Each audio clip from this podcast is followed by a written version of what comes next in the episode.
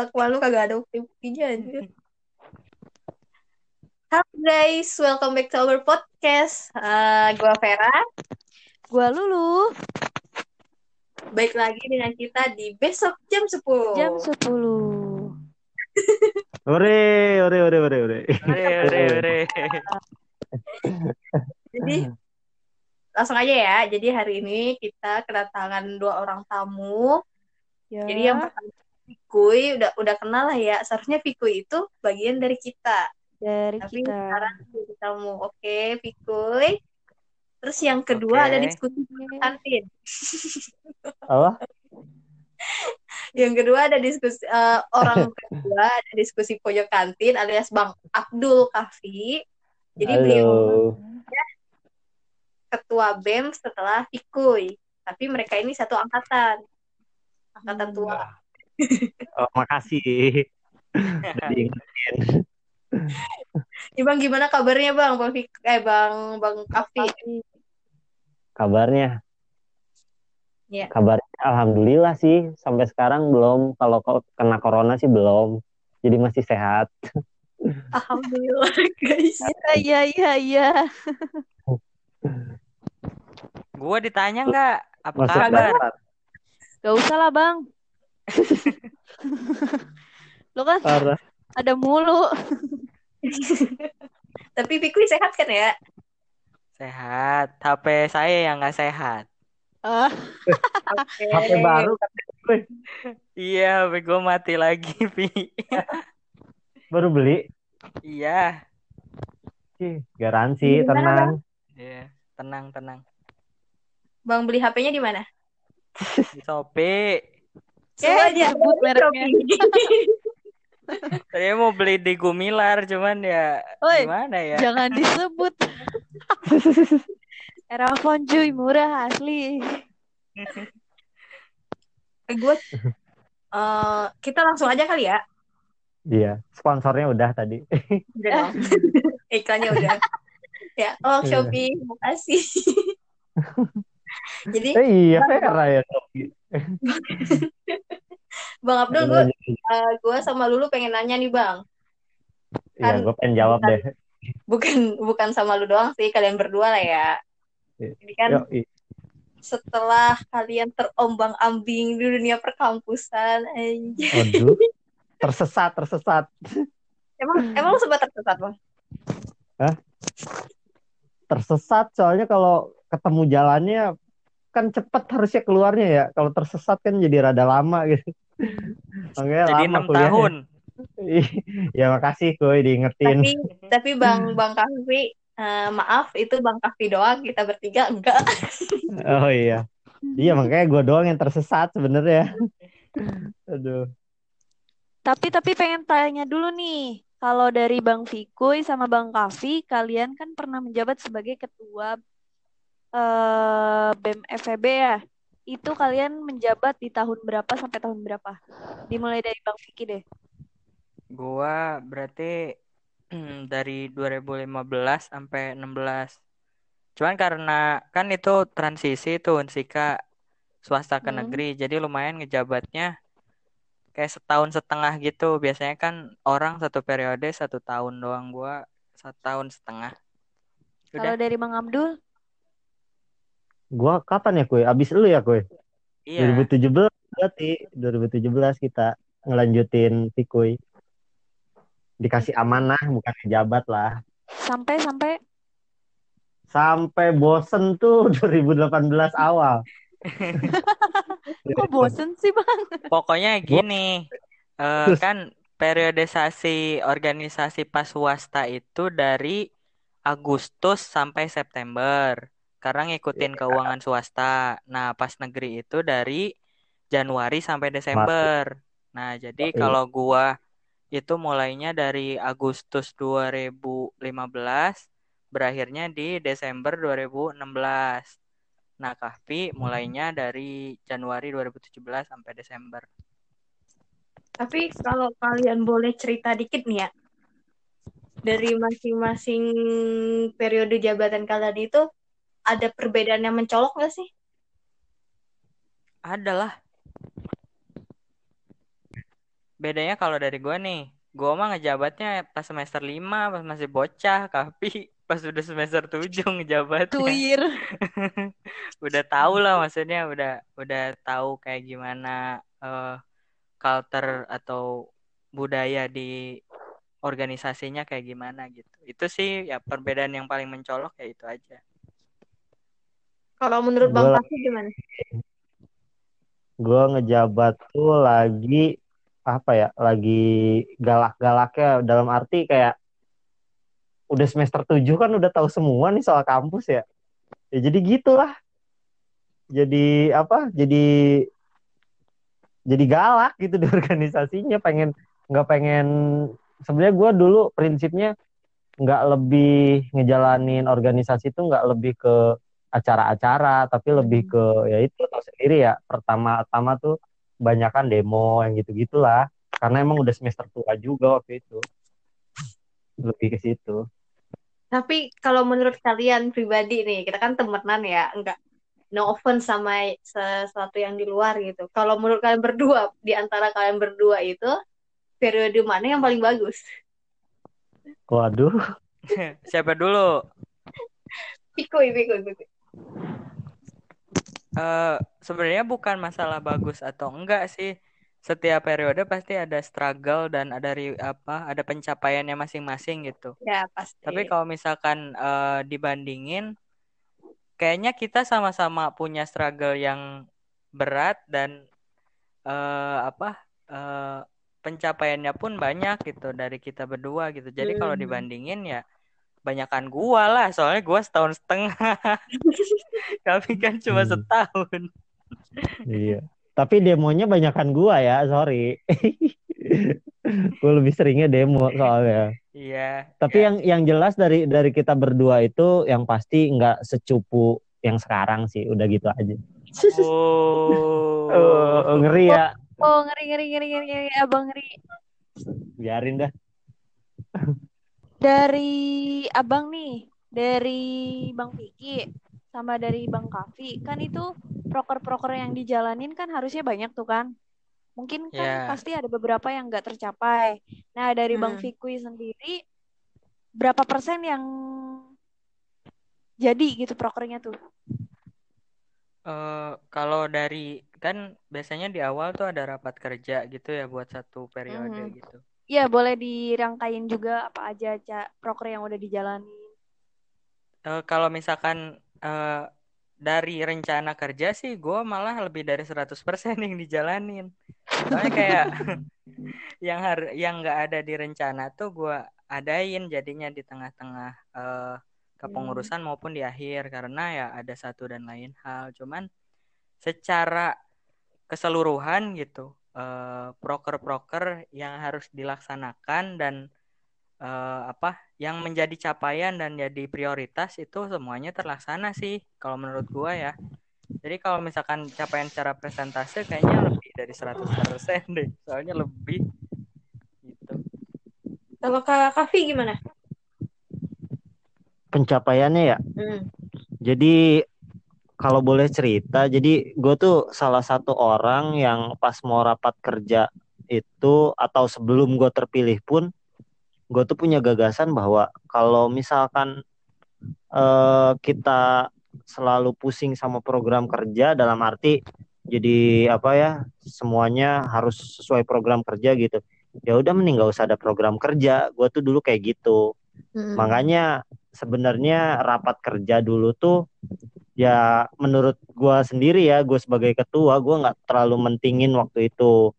Dan akhirnya ya apa pun yang jadi apa namanya rencana, planning, seingat gua tuh yang dijalanin tuh sedikit banget di gua. Malah hampir 8 bulan awal kalau nggak salah itu kita cuma fokus soal diskusi, kritik, demo yang gitu-gitu aja gitu pas di akhir-akhir baru tuh karena ada permintaan dari Dede Lulu kan pengen apa tuh gelar musik kampus segala macem ya udah kita jalanin tuh di akhir-akhir jadi ya kayaknya cuma sedikit cuma ada tiga atau empat program dari sekian banyak Tapi program itu kalau dihitung dari program seremoni ya, Hmm. kalau non seremoninya itu banyak.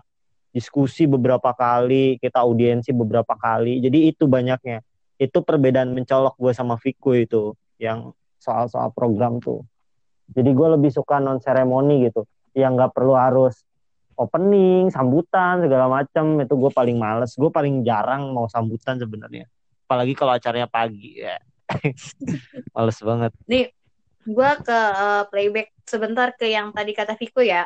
Tadi kan si Viko ngomong kalau setiap periode punya permasalahannya masing-masing gitu. Cuma gue pengen Yo, nanya, de antara periode kalian berdua itu masalah yang paling berat itu tuh di program apa atau pas bagian apa kayak gitu. Mungkin Kak Kak Kavi dulu kali ya. gue dulu. Iya biar lang biar lanjut tadi Pi udah panjang. Kalau gua masalahnya apa ya? Anggota sih dulu kayaknya masalahnya tuh. Uh, Jadi jadi benar-benar dulu kalau nggak salah gua tuh banyak narik anggota muda digabungin sama yang tuir-tuir kayak si Lulu nih. Lulu Vera kan dulu kan udah udah lumayan juga semesternya ya. Udah ya. Nah itu tuh sulit sebenarnya kita buat nyatuin nyatuin pemikiran yang ya lama dan kalian udah keras lah di organisasi ya maksudnya udah mikirnya panjang gitu sama orang-orang yang baru yang masih harus diajarin karena dulu gua sempet gini eh, mungkin lu pada pernah ngalamin yang namanya ada anak-anak semester baru banget itu masuk BEM banyak yang nanya ke gua waktu itu kenapa sih bang anak semester baru masuk BEM segala macam? Ini gua gua nggak mau eh, sebenarnya nggak mau mengarah ke mana-mana ya. Cuma waktu itu gue berpikir eh, du- di kita itu kan ada himpunan ya. Hmm, itu kan ajang ajang dia belajar di himpunan tapi ternyata salah satu himpunan itu menerapkan sistem bahwasannya himpunan itu di apa namanya dijaring lagi dengan step-step yang menurut gue itu harusnya udah skalanya BEM kayak misalkan dia harus sudah pernah berorganisasi yang kayak gimana harus jago ini itu segala macam dan menurut gue waktu itu untuk ukuran himpunan tuh harusnya sekedar dia punya niat dan punya komitmen cukup gitu. Di BEM baru dilanjutkan tapi berhubung banyak yang tersekat di salah satu himpunan gue mau nggak mau harus eh, menyediakan ruang-ruang baru lagi untuk mereka tetap bisa organisasi karena itu tantangannya. Udah mah kan kalian tahu sendirilah eh, apa namanya kampus kita itu peminat organisasinya dikit. Banget. Ditambah dihalang-halangin dalam berproses. Gimana tuh? Orang orang biasanya kan harusnya kalau peminatnya sedikit narik masa yang banyak lah ya. Kalau kalau seperti itu ya gue mau nggak mau ngambil ngambil keputusan waktu itu ya udah. Ada pengurus muda lah ada yang kayak gitu gitulah gitu itu tantangan terberat gue di satu sisi. Gue udah semester eh, tinggi juga dan di situ gue udah tahu seluk beluk kampus terus eh, tantangannya gue harus ngehadapin birokrat-birokrat kampus gitu. Karena gue udah tahu gitu permainan-permainan mereka tuh kayak gimana misalkan. Tapi eh, sumber daya manusia gue itu ya itu tadi masih butuh untuk dibimbing gitu. Jadi ya itulah it, rada menurut gue apa ya tantangan banget menurut gue I see. tantangan tersendiri gitu Oke, eh, tadi kan itu dari Kak Kavi nih. Sekarang coba Kavi. Kalau Kavi kuy, Kalau di periode gua sih ini ya eh, yang gua rasakan gitu dan menurut pengalaman juga itu perma- permasalahan di organisasi mahasiswa tuh yang paling ketara atau yang paling terlihat tuh paling dua yang tadi Kavi bilang per- permasalahan pertama sumber daya manusianya atau kepengurusannya dan yang kedua pasti kepemimpinannya gitu atau pemimpinnya gitu nah kalau misalkan satu ada yang masalah berarti satu yang satu lagi harus eh, yang misalkan eh, kepengurusannya yang bermasalah. Nah, pemimpinnya harus bisa jadi pemimpin gitu, harus bisa mengayomi kayak gimana. Dan di Iya. kepengurusan tahun gua itu kebetulan kan itu masa transisi banget. Dan peminat Hmm. organisasi itu bahkan masuk BEM aja. Gue harus kayak nawar-nawarin pribadi nih. Form pendapat form pendaftaran BEM itu kayak nawar-nawarin ke orang eh ayo dong masuk BEM ayo dong masuk BEM saking sepi peminatnya di tahun gua tuh. Bahkan yang uh, di SK kan di awal pun nggak sampai 30 orang di satu kepengurusan BEM itu kayak gitu. Terus uh, satu lagi ada ini di luar yang dua tadi permasalahan yang selalu ada di Fakultas Ekonomi dan Bisnis Unsika itu adalah apresiasi dari fakultas.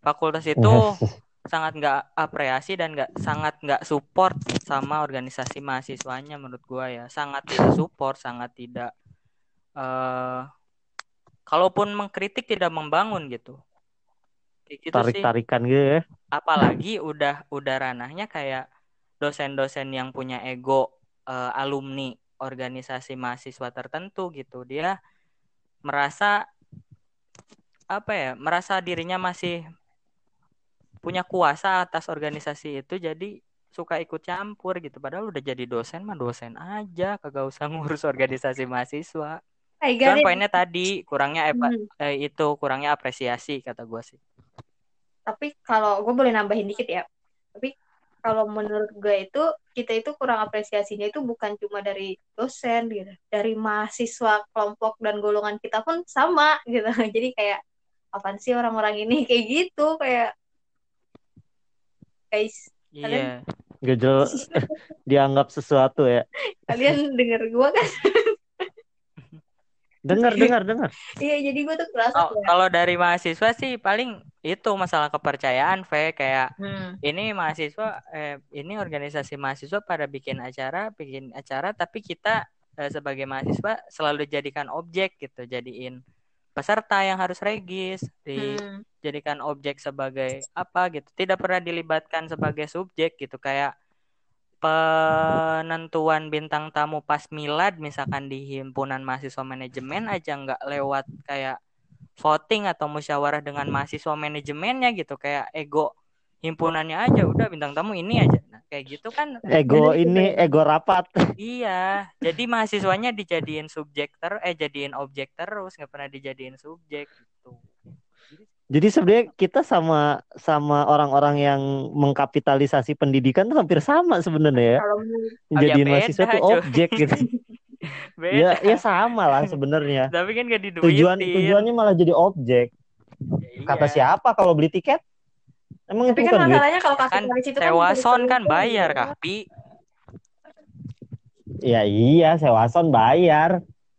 Cuma ketika apa namanya lu nganggapnya itu adalah objek ya berubah lah kata gue mah esensinya hmm, tapi kita gitu. jujur-jujuran aja deh sekarang ya uh, kalau kata kalian kalau kata kak Kavi gitu itu bentuk dari yeah. kapi, hampir kapitalis tapi di satu sisi kita jujur nih kita jujur di satu sisi kalau hmm. kapitalis kan dia mencari keuntungan yang banyak gitu ya Ya. Yeah. Kalian ngerti dong arah pembicaraannya. Ya. Yes. Sedangkan kita di organisasi bahkan sedih banget gue pengen ngomong ini jujur nih. Mm. Suka nombokin gitu. Ah. Jadi menurut gue itu sesuatu yang sangat sangat berbeda ya. Jadi nggak ada kapitalisnya, mungkin lebih lebih ke, ke apa ya cuy ya lebih ke perbucinan event deh kayaknya. Eh, loyalitas itu namanya loyalitas oh, ya, aja. Oh, gitu. oh biar kita kok nggak sukses pengennya tuh sukses gitu berapa kita tuh jadi ego apa ya minder gitu itu, lihat acara orang. oh menurut gue sih itu bagian dari loyalitas uh, dan militansi pengurus aja gitu. Kayak boro-boro nombokin kayak motokopi juga kan kadang males bikin kwitansinya udah kayak seribu wah udahlah biarin. betul, betul. iya benar sih. itu itu bentuk eh, loyalitas betul, betul. atau militansi aja sih kalau di himpunan ya. Kalau di bem betul. dan bem fakultas dan bem unsika tuh uh, ini aja fotokopi goceng sih, aja di kwitansi kalau kata gue sih mungkin gini bukan maksud gue bukan secara kapitalis tortoran kita tuh di Hmm. organisasi mencari untung sebesar-besarnya bukan bukan Iya, kayak gitu. Iya, iya. Tapi mindset mindset yang terbangun ternyata di di kita ini memang banyak-banyak yang harus diperbaiki gitu. Salah satunya dalam penyelenggaraan acara dan segala macam. Menurut gue dengan sistem yang apa gitu di anggaran cair hamin satu sebelum Hmm. acara otomatis kita terjebak gitu dalam sistem-sistem yang harus ya mau nggak mau kita uh, bikin registrasi dulu ke mahasiswa Ya itu kan menurut gua terjebak sebenarnya kita terjebak dan ya saking loyalnya uh, anak-anak organisasi ini sampai misalkan rela patungan dan segala macam dan ini yang selalu pas gua ngejabat gue tuh bilang lu tuh udah capek di organisasi jangan sampai uang pribadi lu itu kepake. Eh, sampai yang terakhir waktu itu ya lu ya yang uang sampai mendem banyak itu gue kan itu kan sampai ngitung satu-satu kan sampai nggak mau ada yang kelewat jangan sampai ketika uang cair nanti ada yang nggak kebayar gitu. Iya, iya. itu sangat sangat gue wanti-wanti banget karena gue tahu capek organisasi itu apalagi harus ngeluarin uang gitu. Dan tidak diapresiasi misalkan. Wah udah. Hancur deh tuh. Itu H plus berapa cairnya? H plus satu tahun lu. Gue inget itu. H plus satu tahun. Luar biasa. Satu bulan kan. Kalau kalau di podcast ini kita mau buka-bukaan soal kampus ayo deh gue buka-bukain. Jangan soalnya deh, terlanjur terlanjur kesel sebenarnya. Ya, kita ini aja kita apa kita iniin nama kampusnya. Cuma maksud gue gini loh eh mereka tidak memikirkan gitu apa yang terjadi di bawah. Tapi ketika kita melakukan sesuatu mereka pun tidak mengapresiasi gitu. Jadi kayak yang udah diinjak diludahin juga gitu. Gue kadang-kadang suka keselnya di situ sih waktu dulu tuh. Bener, lu pernah gua ajak yang waktu itu nggak sih ke rektorat yang banyak kan? Iya, itu gue ikut, Bang. iya itu. Buset. Itu tuh sebulan gue bolak balik rektorat lu. Sebulan full. Itu pas hari terakhir pas mau cair gue ikut. iya. Luar biasa kan ternyata kampus tercinta kita.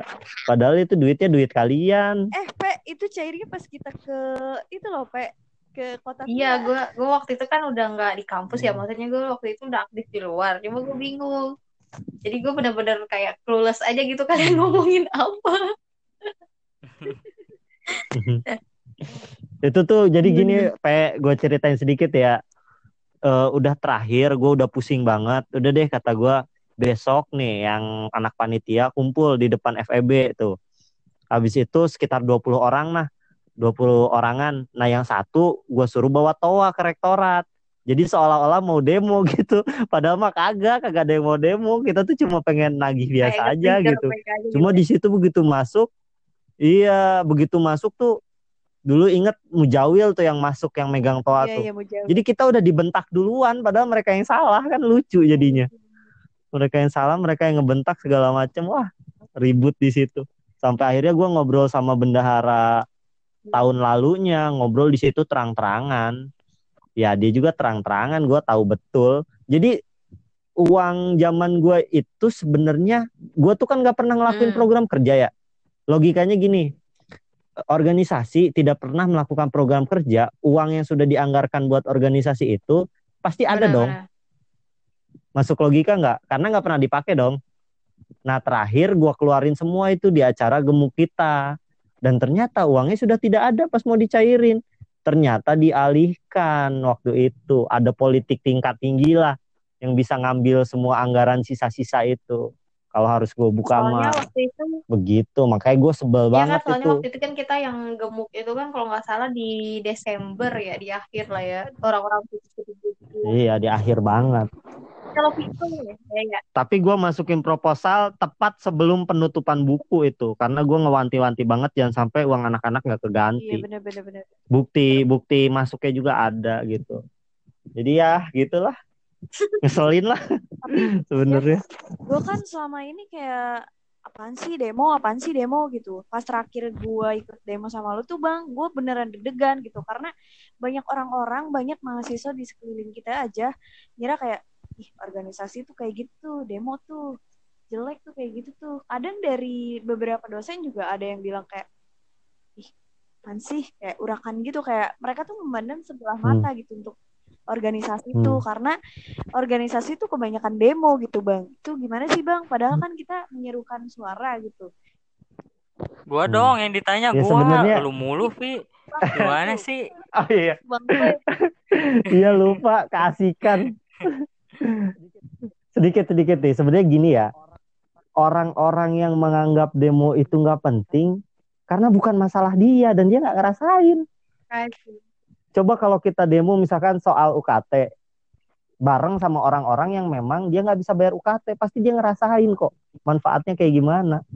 Kalau orang yang tiap bulan udah dapat duit dari orang tuanya, kuliahnya pulang main mejeng, pakai duit orang tua biasa aja, tercukupi, ya nggak akan masalah. Dia pasti nganggap kita kayak orang gila.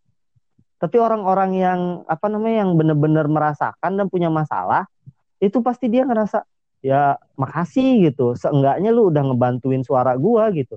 Lu nggak bakal percaya nih. Gua semester 10 ya, gua masih ngulang mata kuliah nih ya. Ada satu dosen yang gua nggak nggak pernah masuk juga, nggak pernah masuk gitu. Dan nilai gua waktu itu terakhir D. Akhirnya kan kalau anak organisasi sok-sokan kan biasa udah akhir-akhir tuh nego nilai gitu. Dan gue sebenarnya paling nggak bisa kayak gitu. Tapi berhubung kalau gua nggak nego nilai itu gua nggak akan lulus-lulus, terpaksa gue ngadep kan, tak datang dan gue sedikit terharu sih ada dosen yang ngomong eh, dosen gue itu ngomong gini saya bakal ngasih nilai kamu karena saya pernah ngeliat kamu demo dan menyuarakan suara mahasiswa dan itu menurut saya bener. Jadi bakal saya kasih nilai karena saya respect sama kamu. Sampai digituin.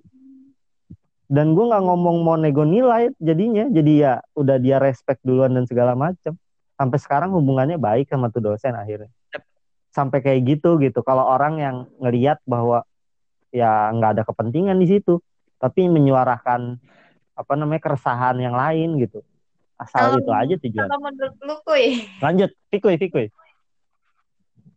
Yang mana nih? Gue jawab yang mana? Kavi banyak nanyanya tadi. soalnya gue juga bingung sih. Yang mana aja? Eh, tadi kita ngebahas apa sih? Kalau soal Iya, yang iya, demo deh, demo. ini eh gue bahas bahas yang demo ya. Sebenarnya eh ini tuh di masih diterapkan atau enggak, gue nggak tahu. Cuman yang gue tahu landasan bergerak mahasiswa itu eh, yang pertama analisis, kemudian yang kedua so- eh, solusi, kemudian yang ketiga adalah aksi. Jadi tiga tuh landasan geraknya. Nah kalau misalkan udah dianalisis analisis permasalahannya, dicari solusinya apa, ketemu. Nah, aksinya tuh kayak gimana? Aksinya itu bisa demonstrasi, bisa misalkan eh, kalau ini tuh apa audiensi Hmm. dan lain-lain bisa aksinya apa aja. Jadi ungkapan kayak anak organisasi mahasiswa itu demo terus ya mungkin orang-orang berkepen eh, yang punya jabatan atau yang punya kepentingan yang di isu tersebut akan dilawan gitu. Kalau dibisikin tuh nggak dengar gitu. Jadinya harus diteriakin pakai toa gitu maksudnya. Jadi ya aksi Ke kupingnya ya, aksinya biar tuh ya pengung. aksinya tuh kan bisa apa Hmm. aja. Kalau misalkan dia dibisikin nggak dengar, diomongin baik-baik nggak dengar ya, ya harus diteriakin dong berarti biar lebih kedengar Benar, benar, kayak benar. gitu. Tapi jujur ya, gue waktu kuliah, gue juga kategori kelompok manusia yang nggak terlalu suka sama orang yang demo, jujur. Tapi setelah gue kerja, masuk kuliah kerja, dan lingkungan kerja gue tuh waktu itu yang parah banget tuh kan yang kemarin demo kemarin itu, gue ikutan dan ngefeel banget. gue nggak sebagai peserta demonya, tapi gue sebagai pihak lainnya lah ya. Dan gue bener-bener kayak ngerasa vibe-nya demo itu bener-bener keren kalau kata gue pihak apa nih? Pihak government ya? Gue ngerasain gue ngerasain banget Sorry, soalnya sorry. waktu itu gue nerima mahasiswanya kan udah gitu pas sudah pulang gue mau pulang gue gue main bukan maksudnya bukan main ya maksudnya gue gue pengen lihat nih kayak gimana demonya gak taunya gue yang kena lempar Hmm. Ini bener-bener beda banget sensasinya dan gue tuh jadi kayak pengen anjir gue pengen kuliah lagi dong gue pengen demo kayak gitu Iya. Ini selingan nih. Dan itu gue refleks padahal Bentar dulu, Pi. nelpon si Vera langsung Selingan iya. ini info. Eh kalian kan tahu de- demonstrasi mahasiswa ya yang kayak menyeruakan pendapat Hmm. dan segala rupa lah. Tapi ada sisi lain di demonstrasi mahasiswa itu yang sebenarnya hal jelek kayak demo itu banyak titipan orang gitu kayak dibiayain berapa juta suruh demo suruh ngangkat isu ini jadi nggak semua gerakan Hmm. mahasiswa itu sebenarnya pure benar-benar ideal idealis gitu. Hmm. tapi ada juga eh, yang titipan atau ya kayak gitulah kepentingannya untuk me- menjatuhkan orang dan lain-lain. Tapi nggak semuanya kayak gitu juga. Ada yang kayak gitu Yes. ada yang ideal juga. Jadi itu sudut pandang lain dari demonstrasi mahasiswa. Kalau kalian pengen jadi kontrak lagi nggak apa-apa. Ada juga yang mahasiswanya lagi demo, ketua-ketuanya lagi ada di LC ya. kan ada Iya, juga gitu. Shopee tuh Iya. jadi Ayo, brand ambassador Shopee Iya. Gue itu kaget banget itu begitu ngedengar demo gede itu kan lagi di Bekasi, son, eh, langsung nelpon Vera eh, karena yang paling deket ya di situ ya. Tapi pas gue lihat ELC, sialan bajingan-bajingan itu lagi ada di ELC gitu loh. Sedangkan anggota-anggotanya lagi Yang- lawan polisi dan di situ ada adik-adian kita ternyata ya Ah, ampun. bener-bener. Itu kan live LC-nya soalnya. Tapi gue mau nyambung tuh. You know Waktu lah itu- ya. Kita cerita aja nih ya, sedikit ya. Hmm. Jadi waktu itu gue tuh si, nggak siang Hmm. deh, sore di sekitar jam 5 sebelum pecah tuh. Eh jam 4 lah, jam 4. Mereka itu, Eh tolong nanti oke, kata bajingannya disensor ya. jam 4 itu mereka tuh di disuruh masuk perwakilannya sama si Nah, Hmm. eh Nggak akan mau. bang, waktu itu Eh, masuk. mau nah, gue kan di situ kan yang kayak, iya, gue gue Oh kayak yang masuk. yang ngeribetin maksudnya yang ngaturnya lah kayak gitu kan awalnya kan waktu itu pengennya di salah satu fraksi cuma gak taunya mereka pengennya nggak mau di Hmm. di pol- politisasi jadinya mereka pakai salah satu ruangan lah ya udah gitu pas pas mereka keluar tuh kan Hmm. pecah yang gue bingung kenapa malamnya mereka bisa ada di LC Mm-mm. Gitu sih. Iya, itu luar biasa kalau lu pengen tahu. Jadi Hmm. ada beberapa, gua nggak akan nyebut kampus mana, yang pengamanannya luar biasa ternyata. Jadi dia sudah menyediakan motor-motor yang Hmm. siap menurut orang yang di lapangan ya, info di lapangan. Jadi begitu ada pecah, orang-orang yang udah siap itu mah langsung tarik mundur, dijemputin pakai motor. Sisa kampus-kampus yang memang tidak siap dan tidak tahu daerah Kera, apa Jakarta Kerawang lagi daerah Jakarta dan yang lebih ini lagi katanya Iya, sinyal memang- ngedadak nggak bagus kan ya di sana ya? Di blackout gitu Jakartanya. iya. Iya. Iya dia boro-boro mau ngelihat Google Map gitu Jakarta aja nggak apal gitu ya. Wajar kalau banyak yang ketangkep atau apa nggak bisa pulang wajar banget.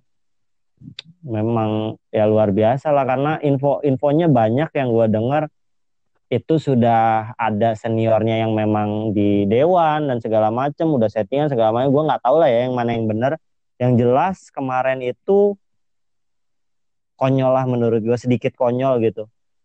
Untuk beberapa yang kajiannya kurang dan ikut aksi itu ya. Karena tahun sekar tahun-tahun berapa ya? Semenjak 98 kayaknya udah udah sulit kita nyari demo-demo yang murni bener-bener suara mahasiswa tuh sulit. Kalau yang kata Kecuali Fikri tadi ada yang apa?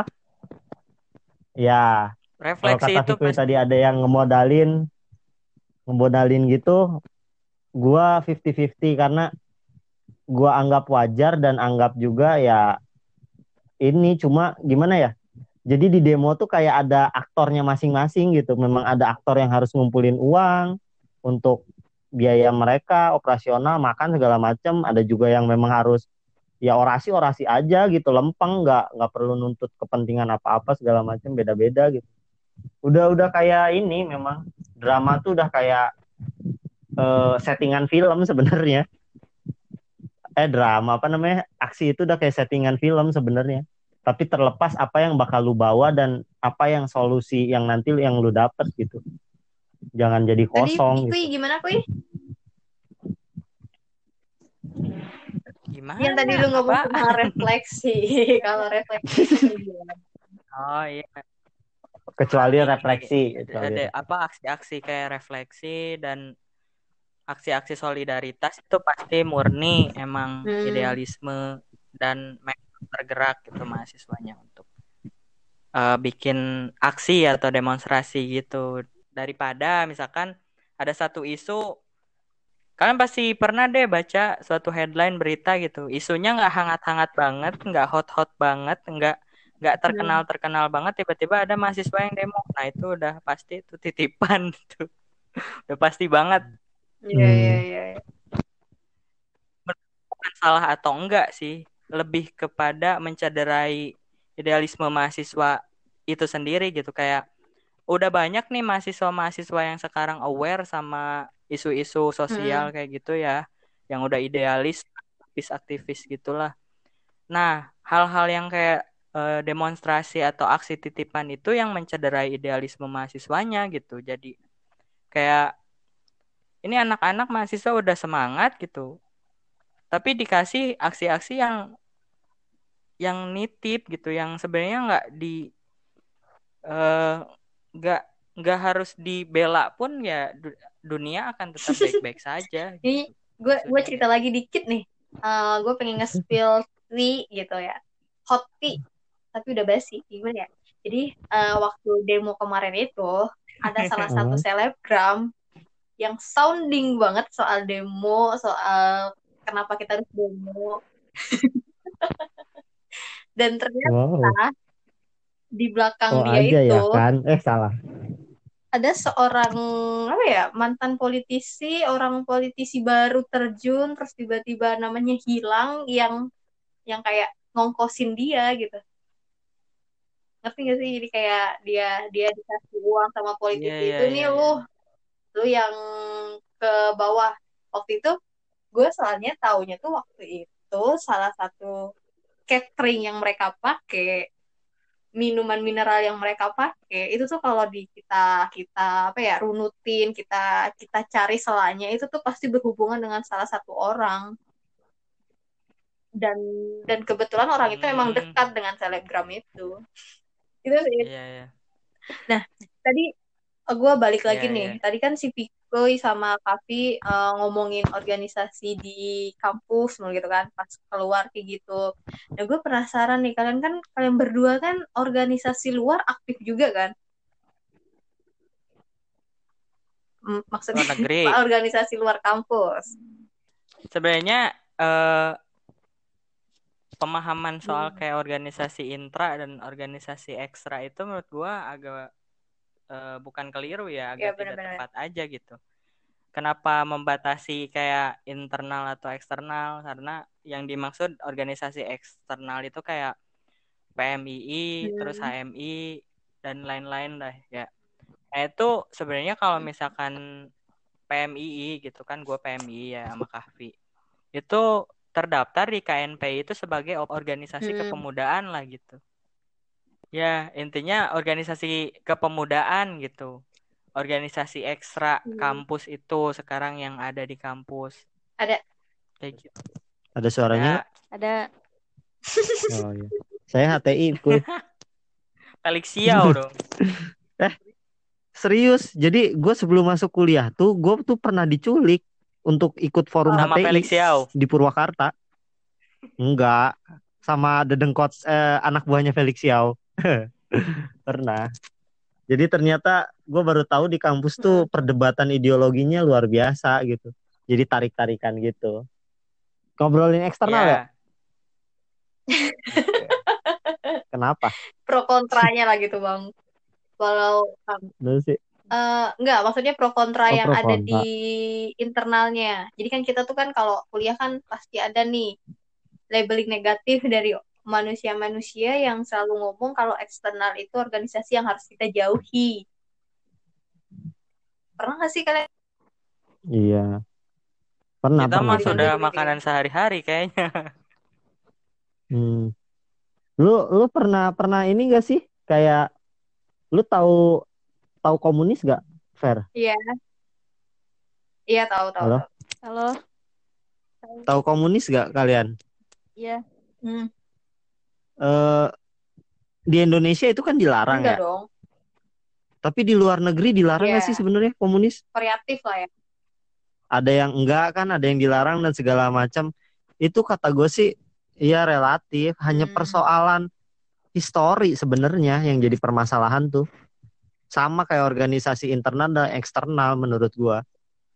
Sekarang kalau kalau kalau gua yang gua pahami ya, kan sekarang kan lagi rame kayak misalkan eh, mahasiswa nih liko kajian gitu kan eh, kembali ke hit apa bukan kembali ke hito kayak kayak yang seolah-olah tuh Hmm, di kampus tuh banyak yang pahamnya mulai-mulai radikal gitu ya. Nah itu padahal penangkalnya tuh organisasi semacam PMII yang organisasi kemahasiswaan kayak gitu sebenarnya dan sangat sangat apa namanya sangat jadi antitesis kalau misalkan penangkalnya sebenarnya organisasi itu tapi organisasi tersebut tidak boleh masuk kampus atau seolah-olah jelek gitu image-nya di kalangan kampus gitu. Itu malah jadi gue nggak ngerti gitu maksudnya gimana gitu. Toh kita obatnya maksudnya organisasi tersebut obatnya tapi jadi jadi mindsetnya malah jadi buruk gitu. Dan itu benar kata Fikoy udah jadi makanan sehari-hari kita itu menurut kalian gimana nih yang netral netral kan dulu. harusnya kalian sih yang lebih ini ya ampun. pandangannya gimana gitu Kalau gue pribadi, Lu aja, Pe. Gue bingung. Gak tahu mau ngomong apa. si Lulu mah si Lulu mah polos kalau gue pribadi sih, gitu gue kayak gimana ya, kayak agak nyesel sih gak ikut organisasi eksternal. Hmm. Iya, jujur gue gue kayak kayak nyesal gitu karena wow ternyata Terus? organisasi eksternal itu lebih ngebangun relasi yang gak kita dapetin dari internal, cuy. Dari senior. lu nggak lu nggak ikut eksternal aja relasi lu udah Gua banyak gua- tapi waktu itu kalau misalnya gue disuruh lagi ikut ngulang waktu eksternal, gitu ya, terus gue disuruh milih eksternal mana, gue jujur re, apa ya, gue bakalan pilih Hmm. gak apa-apa nih sebut partai Apa-apa, yang, Iya, yang seniornya itu. banyak, yang udah pada jadi menteri. itu. Himpunan mahasiswa. Iya I, I iya know iya gitu. I know. I know. Nah ini apa? Ya nah ini juga ini juga kan jadi satu ini ya Fe. Sebenarnya kalau kata gua bener. orang-orang yang masuk eksternal itu ya tadi punya tujuan masing-masing. Mungkin eh historisnya, historisnya ada satu organisasi eksternal yang Hmm. historisnya memang senior dan relasinya luar biasa. Ada satu lagi organisasi yang eh, historisnya bahwa menjunjung tinggi NKRI, menjaga segala macam lah. Ada yang historisnya lagi misalkan ya tadi radikal-radikalan segala macam. Pada intinya mereka semua tuh Mm-mm. sama kayak organisasi di internal kampus, menciptakan regenerasi sebenarnya, menciptakan pengganti-pengganti baru. Kalau mereka udah selesai, udah tua, udah is dead gitu kan, siapa yang lanjutin organisasinya? Kan gitu. Itu sih. Cuma yang yang organisasi lain sih kata gue sih bagus-bagus aja, asal jangan yang itu Tapi aja enggak. yang gue radikal-radikalan. inget kata Kak Takut tiba-tiba waktu lu jadi pakai masker gue kan, denger tuh waktu itu gue di kantin jadi Kak Kavi pernah ngomong kayak gini ke ke anak-anak yang ospek Apa nih kayak gini nih nggak ada organisasi yang jelek Apa? yang jelek itu orang-orang yang di dalamnya gue inget sampai sekarang Yes. gue inget sampai sekarang itu makanya gue kalau nilai Yes, itu itu. jadinya Yes. bukan nilai ke partainya atau organisasinya tapi lebih ke individu individunya kayak gitu. Ya kalau orang-orangnya baik, ngelihat organisasinya misalkan visi misinya berseberangan misalkan dengan Pancasila dan segala macam pasti dia rubah itu visi misinya. kalau orang-orangnya baik ya kadang kan ya dilematik sih organisasi di luar kampus tuh. Dilematiknya banyak pro kontra tadi yang orang-orang nggak tahu. Untuk di mungkin kalau untuk di luar Kerawang kayaknya asik-asik aja ya kayak di Jakarta gitu udah biasa sama organisasi kayak gitu tuh. Bener sih kalau Malah itu tuh momentum mereka buat akselerasi gitu. Enaknya lagi kalau misalkan eh, di organisasi kepemudaan atau organisasi Hmm, eksternal kampus itu ya, dia kan iya. eh, nasional ya dan ada internasionalnya juga sebenarnya. kayak waktu itu gua sama Hmm. Kahfi kan ada acara tuh eh, acara Ikatan Senat Mahasiswa Ekonomi Indonesia gitu ke Kalimantan Utara. Inggris. Oh iya. Ketarakan tuh, daerah yang jauh banget di utara pokoknya. Itu kita masih ketemu sama teman seorganisasi, se se Hmm. organisasi kepemudaan itu, misalkan gua kan PMI ya, PMI itu ada di sana dan kita ya kayak kayak temen yang baru ketemu tapi udah jadi temen gitu. Itu bakalan jadi Kayak gitu gitu sih. Itu salah satu keuntungan. Ya kalau mau kalau mau dibuka semuanya mah ini weh. Emang sekarang menteri-menteri itu banyaknya pas pada ngampusnya dia nggak eksternal gitu. Itu orang-orang eksternal semua. Ya Jokowi anak- ampun. Gak Jokowi mungkin dia anak nggak punya historis. Buset, pasti, mantep cuy. Mantep sih. pasti itu. Gila. Terus staf-staf susnya, dirjennya, dan lain-lainnya. Pokoknya yang kayak begitu-gitu nggak mungkin dia nggak organisasi. Kecuali orang-orang yang benar-benar masuk pegawai negeri, terus testing, terus lulus. Ya ada kemungkinan lah dia lempeng-lempeng aja. Tapi kalau yang jalur-jalurnya politik udah pasti. Sudah pasti Kecuali dipastikan. kamu bikin ruang guru. Beda lagi itu. ah. Oke. Kembali ke topik. Si Lulu nggak banyak nanya Tapi tuh, enggak. Bang, gue bukan Enggak, ahlinya lah bang kayak gitu-gitu. Terus lu ngapain? Udah Kalau bahas lu sendiri topik kalau Terlalu misalnya dibalikin ke zaman Iya. kuliah lo, lo pengen ngelakuin apa lo dalam organisasi? Acara, acara, acara. Udah itu doang yang gue tahu. Padahal lu lu emang dari dulu diajarinnya acara doang lu. Kayaknya enggak deh. Enggak bang, tapi gue terus kan gue pernah bilang bang kalau misalnya gue tuh seneng organisasi ya karena gue pengen eh, nikmatin Acaranya. acaranya gitu-gitu bang. Gue pengen belajar, Hmm. belajar karena kan cita-cita gue sendiri ya pengennya kayak gitu. Pengen acaranya pas nyari duitnya mah nggak mau, suwe dasar. Oh, jangan gitu dong bang. Dia malah ngegeter coba Ve kalau disuruh nyari duit. Aduh. Tapi gua gua sempat ngedengar podcast podcast lu yang kemarin-kemarin Hmm. yang apa sih pas jadi anggota gua ya dulu.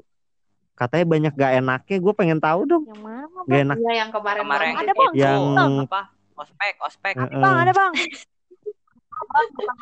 Bukan gak. coba kalian ceritakan kesengsaraan banget kalian. Pe, mending lu dulu aja pe. Gue takut meledak nih pe. yang gak gua tahu gitu. Satu ya bang, gue ya bang ya. SK gue ke mana Apa? bang? Gak ada nama gue tuh bang. Masih aja. SK tuh nggak penting lu, Bukan. itu tuh cuma I formalitas. know SK itu nggak penting, tapi gue kecewa banget bang. Iya sih. Kecewa gak bang? Harusnya kecewanya sama sekretaris dong. Padahal sekretaris itu temen lu, Ih suwe. bukan sekretaris yang ngurusin, gue inget banget Zaki. Siapa? Ih, Kok Zaki sih? Zaki, Zaki yang narik dari itunya. Terus dia bilang, eh iya lupa nama lu. Gitu. Tetap pengajuannya tuh dari sekretaris nulis namanya lu. Terus masa sih, siapa sih Indah atau Ajis gitu nggak tahu nama gue? Ya itu nggak tahu. udah udah oke oke itu satu terus panjang ntar. Gak bisa gitu bang, bahas dulu bang. Kenapa nggak ada nama gue bang? Gue kecewa loh bang. Jadi gini gini lo di kampus kita itu kan sangat sangat apa ya? Tadi yang kata Fikuy support ke organisasi aja enggak. Dan lu tahu kan eh, pimpinan kita dulu itu bagaimana sibuknya gitu-gitu Iya. dan itu tuh kan kudu kayak dia kayak diajuin-ajuin gitu deh. Itu bisa lama banget Oke. dan gue mikirnya SK itu ya sebenarnya SK SK dari eh, itu nggak terlalu penting-penting amat. Oke, emang Yang penting itu ya. ya intinya itu mah kesalahan kesalahan gue lah. Gue males mem- bales males ngajuin laginya. Oke, Jadi udahlah. oke. Ya elah segitu ge lu keplak terus juga gue tawarin Ya, kan. bukan masalah kayak gitunya bang, tapi kecewa loh bang, ada nama gue Ntar gue bang. bikinin itu dah lo, lo. Ntar gue buatin ntar Gak ntar usah perlu. ada lagi Terus lo. yang kedua nih, masalah ospek nih. Kan katanya itu eh bimbingannya Pikuy ya pada saat 2017 ospek itu. Tapi kan ketua BEM-nya lu, Bang. Nah, lu sendiri tuh tahu nggak sih, Bang, drama-drama anak Kenapa? kondis yang ngomel-ngomelin seksi acara gitu, Bang? Emang diomelin ya lu? Bukan diomelin sih, jadi mereka merasa tegas aja gitu sama seksi acara tuh dan terlalu banyak permintaan. Nih, lo Guanya ada nggak di situ waktu itu? emang eh, ini aja, emang tiap tahun kayak gitu ke seksi acara. Emang Settingan iya. kan? Cuman Tapi itu yang yang ada bikin eh, tahun 2017 itu terlalu ini apa? Bener-bener gitu ngerjainnya gitu. Ofensif. Karena ya lu gitu koordinator acaranya. Karena lu kenapa gue? Intinya lu gara-gara lu aja.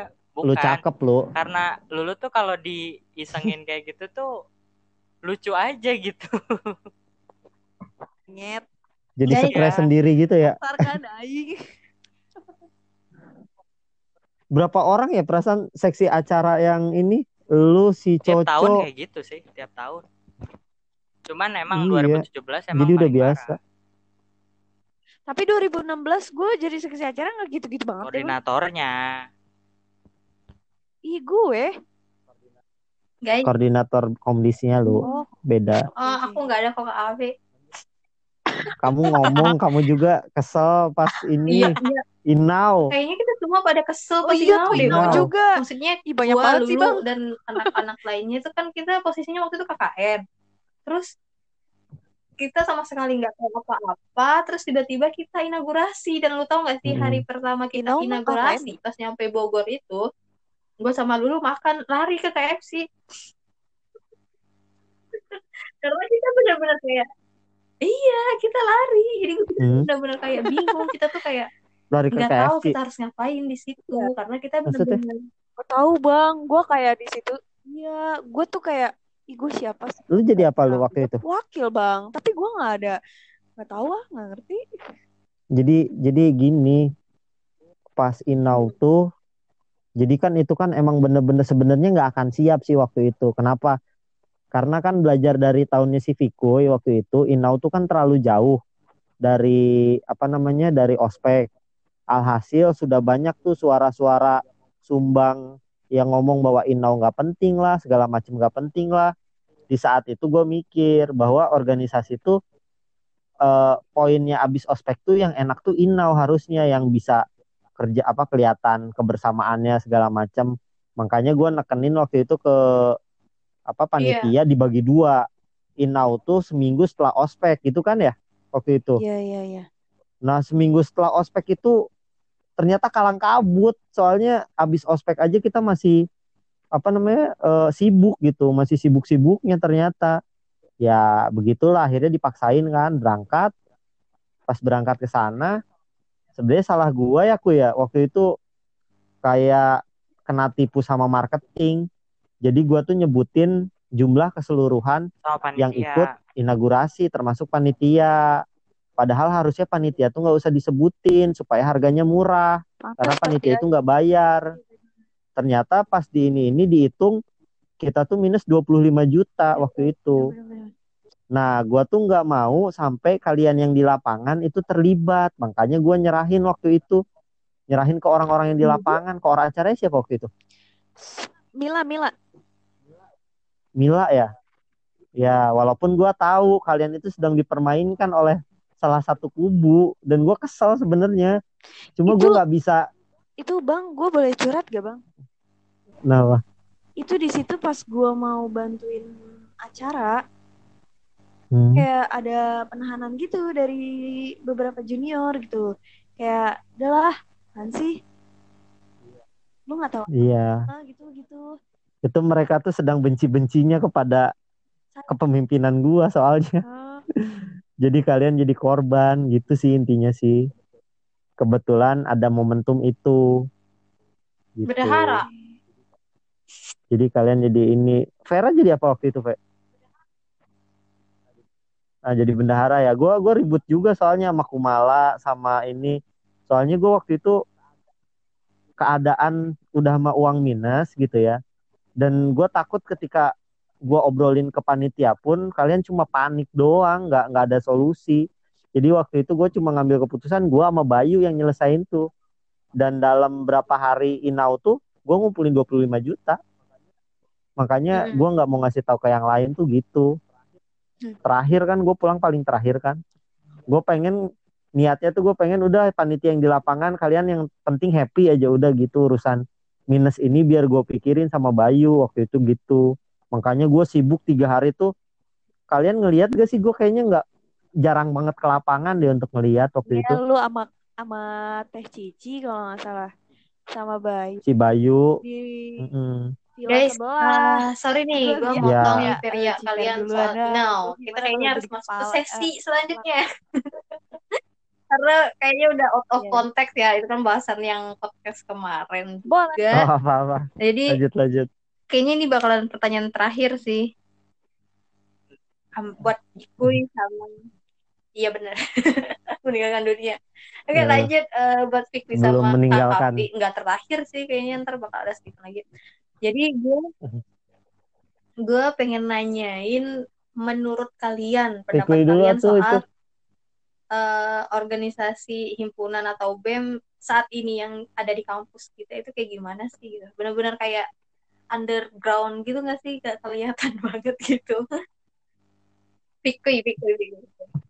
Piku itu piku dulu zaman sekarang feed Instagramnya rapi-rapi kerjanya kagak Selamat selamat hari Asli. laut ya. asli Selamat hari pendidikan. ketua BEM Selamat kagak kagak terus. mikirin sama sekali feed Instagram lain-lain walaupun bagus ya Aduh. walaupun bagus Selamat untuk terus. pencitraan dan lain-lain aduh, aduh, aduh. cuman esensi dari kalian ada tuh kan jadi representatif mahasiswa gitu maksudnya coba do something lah gitu ayeuna pandemi misalkan kayak sekarang nih eh terlalu stick Hmm. terhadap eh, budaya organisasi itu gitu kayak misalkan biasanya tahun lalu ada acara ini acara ini acara ini gitu terlalu Benar-benar. benar. terpaku ke itu jadi nggak bisa berkembang otaknya gitu jadi inovasinya tumpul ya ya itu gue bilang tadi feed Instagramnya rapi Hari banget apa dia kerjanya ngucapin gitu ya?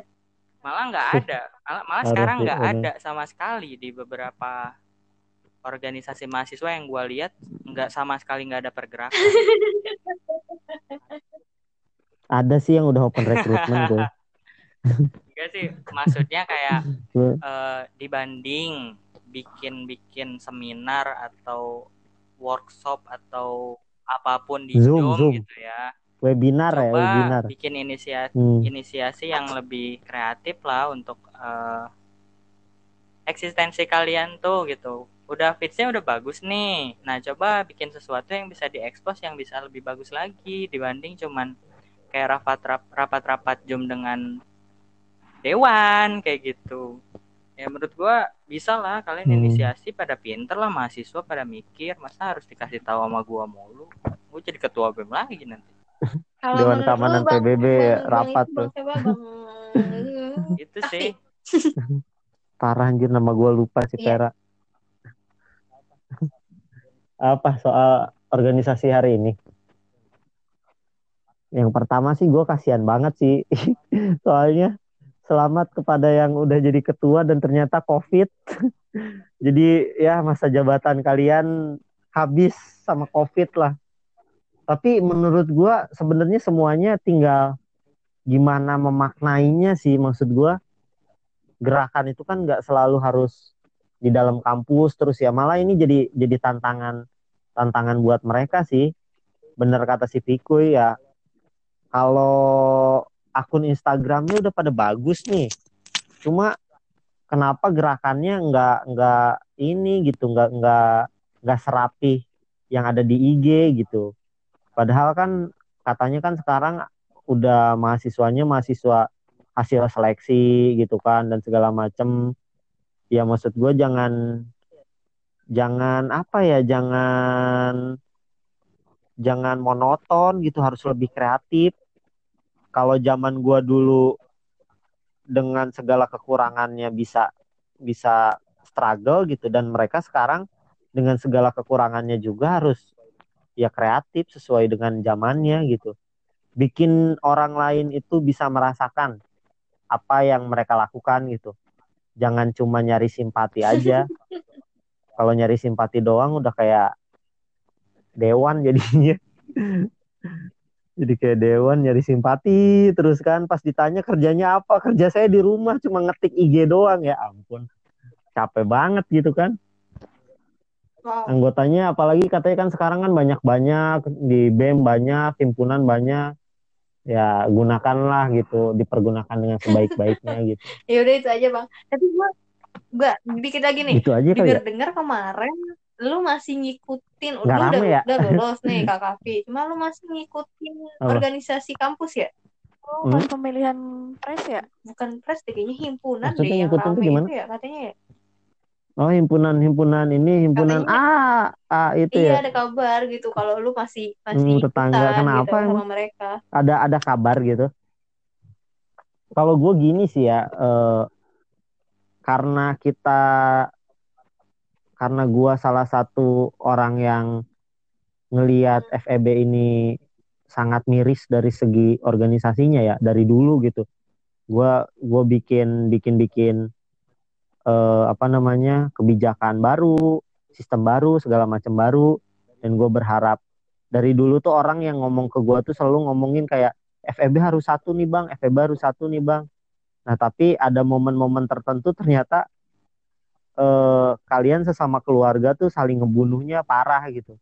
Dan gue waktu itu sebenarnya bukan ikut campur sih.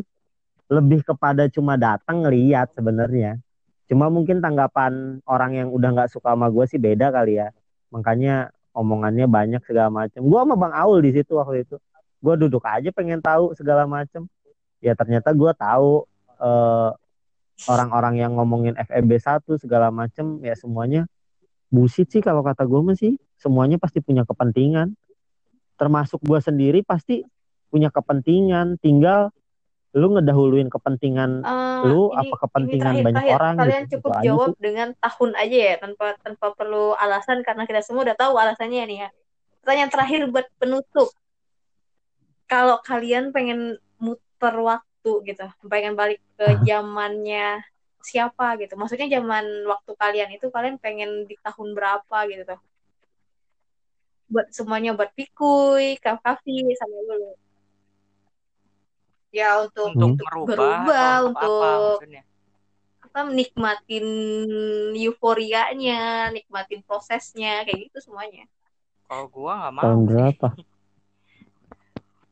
Gua nggak maksudnya. kenapa harus balik Gua lagi ya bersyukur telah melewati fase itu dan dengan segala kesalahan dan dengan segala kekurangannya ya. Ya karena itu semua yang ngebentuk gua sekarang tuh karena itu gitu. Kalau misalkan gua merubah salah satu dari masa lalu gua ya gua nggak akan jadi sekarang ini gitu. Cuman kalau bisa balik lagi gua pengen pas acara musik pas tahun gua sih pas lawan Seven gua pengen fokus nonton aja nggak mau ribet Bener-bener. gua kan ketua Mantep ya, harusnya udah nonton aja Bang. di paling depan banget udah gitu iya Udah udah nih ya, itu aja ada pesan-pesan kesan terakhir gitu. Eh gue belum tahu nih. Parah anjir. Gue pengen balik ke tahun Bang? Pengen fokus 2014 kuliah? sebenarnya sih Sebelum itu. 2014 iya bener tuh si Vera. Eh si Vera si Lulu. Fokus kuliah gue nggak jadi ketua BEM bertahap lulus nilai bagus. Masuk kerja punya istri hidup hidup seperti manusia Ternak pada layaknya. Gitu Ternak lele lu kalah lu sama mama lele. lu udah ternak lele kayaknya indah duluan. gitu ya nggak Gue pengen balik ke 2000 2015 2015 95 dia. pas lagi Hmm. Mila Dimas gue nggak mau merasa pusing di situ gue pengen sehat gue pengen menikmati nggak mau pakai koyo ya iya udah sudah cukup koyo-koyo itu Udah nih ya. ora bang lupa makan Ini ada kali norak Ah, sih gue. lu kayak lu kayak tahun 2013 deh. Gak ada, gak ada gue. Ada cuma karena alasan personal doang sih. Ya udah ya. Eh, mungkin Pikui, Pikui kali ya. Oh. Pikui. Pikui buat Hmm. nutup nutup podcast kita hari ini, Kuy. Apa kesan dan pesan selama di Iya. BEM? Apa kata-kata Mutiara? Iya Mutiara deh pesan-pesan udah banyak deh kayaknya. Mutiara dong, mutiara mutiara gitu. Apaan anjay? Ya intinya itu kalau mau jadi ketua BEM pikirin lagi deh. Itu aja. Kudu ganteng, Iya, euforianya cuma pas ospek kudu doang. ganteng jadi ketua BEM. Oh, udah ospek mah lu jadi babu lagi.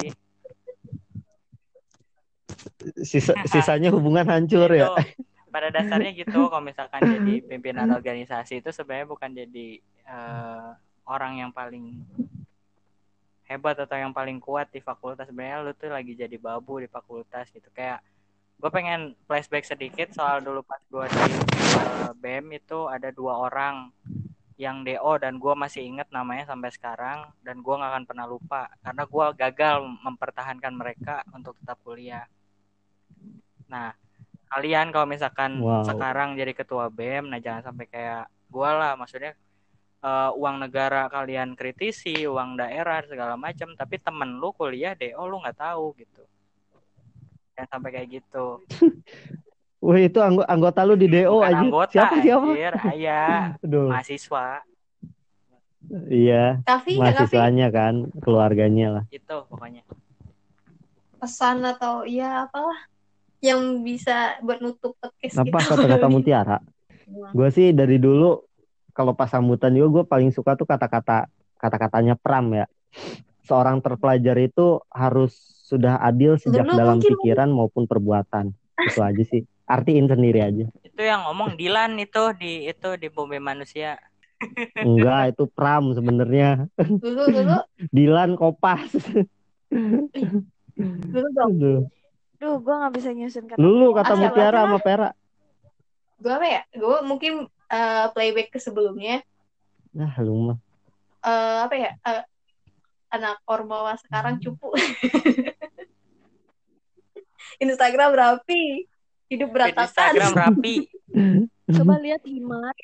Coba lihat Himas Hmm. tahun 2015 sampai 16 atau enggak 17.